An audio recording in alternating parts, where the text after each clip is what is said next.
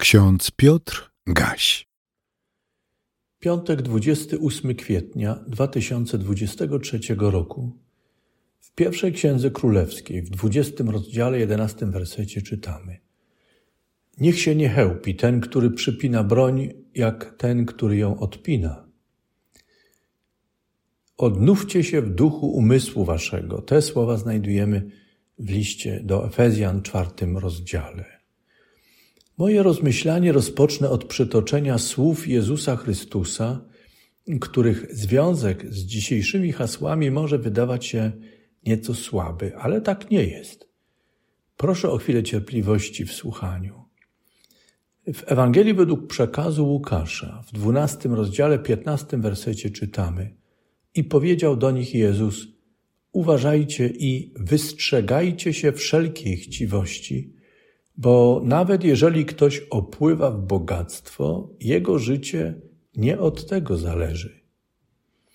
Wystrzeganie się wszelkiej chciwości jest istotne, bowiem w Biblii została ona nazwana grzechem. Po prostu. Właśnie dlatego w liście do Kolosan czytamy duszpasterskie polecenie: Uśmierćcie więc w sobie ziemskie skłonności, rozwiązłość, nieczystość, namiętność, złe żądze i chciwość, która jest bałwochwalstwem. Chciwość jest perfidna. Chętnie powołuje się na potrzebę zaspokajania różnych życiowych potrzeb. Wskazuje, jak istotny jest sycący stan posiadania, zabezpieczenie jutra, kreatywne myślenie, odwaga, mobilizacja do walki i przezwyciężania przeciwności. Chciwość z wielkim samozaparciem potrafi pokonywać w działaniu kolejne granice, sięgać wyżej, dalej, głębiej, działać szybciej i skuteczniej, żeby tylko zyskać przewagę nad innymi, wyprzedzić ich i zwyciężyć, i mieć, posiadać. Chciwość uwodzi swoją atrakcyjnością i siłą oddziaływania niczym rajski owoc z drzewa poznania dobra i zła. Na początku wydaje się dobry i użyteczny w dążeniu do ambitnych celów. Dostarcza wielu emocji i przyjemnych, uskrzydlających doznań w pokonywaniu i zwyciężaniu. Jawi się jako twórcze doświadczenie, które w różnoraki sposób wzbogaca człowieka. Oczywiście same pragnienia, wytyczanie ambitnych celów, konkurowanie, poszukiwanie nowych doświadczeń, chęć zwyciężania jeszcze nie czynią nikogo chciwcem. Człowiek staje się nim dopiero wtedy, kiedy nie rozróżnia, czy pragnienie jest dobre czy złe. Nie rozróżnia, czy konkurencja jest zdrowa czy zła nie rozróżnia doświadczeń prawdziwie wzbogacających od tych deprawujących. Nie dostrzega, że przekracza granice, za którymi jest już tylko zawłaszczanie i eksplorowanie bezgraniczne i bezbrzeżne. Chcenie zdobywania i posiadania staje się jedynym dążeniem w takiej sytuacji i jest nadrzędnym w stosunku do wszystkich i wszystkiego. Chciwość, pamiętajmy, nigdy nie zwycięża.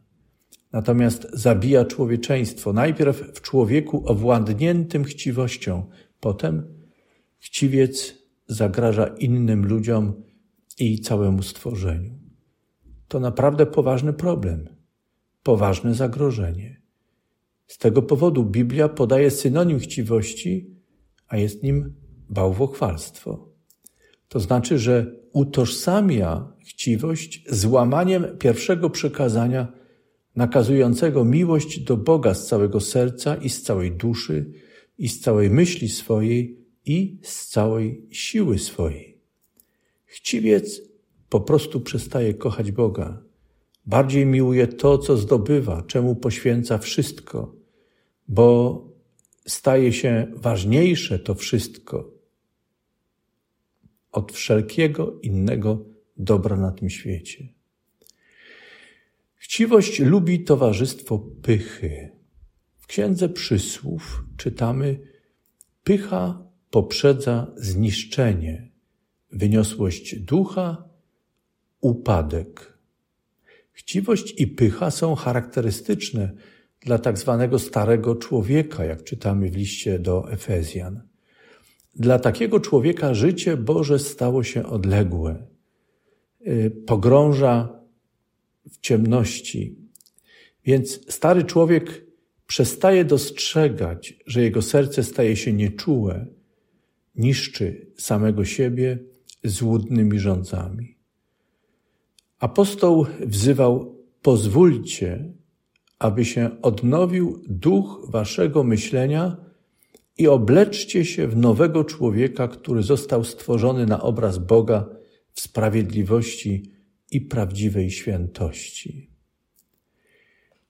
Pozwólcie, nawróćcie się, niech Bóg was przemieni i ukształtuje w was nowego człowieka.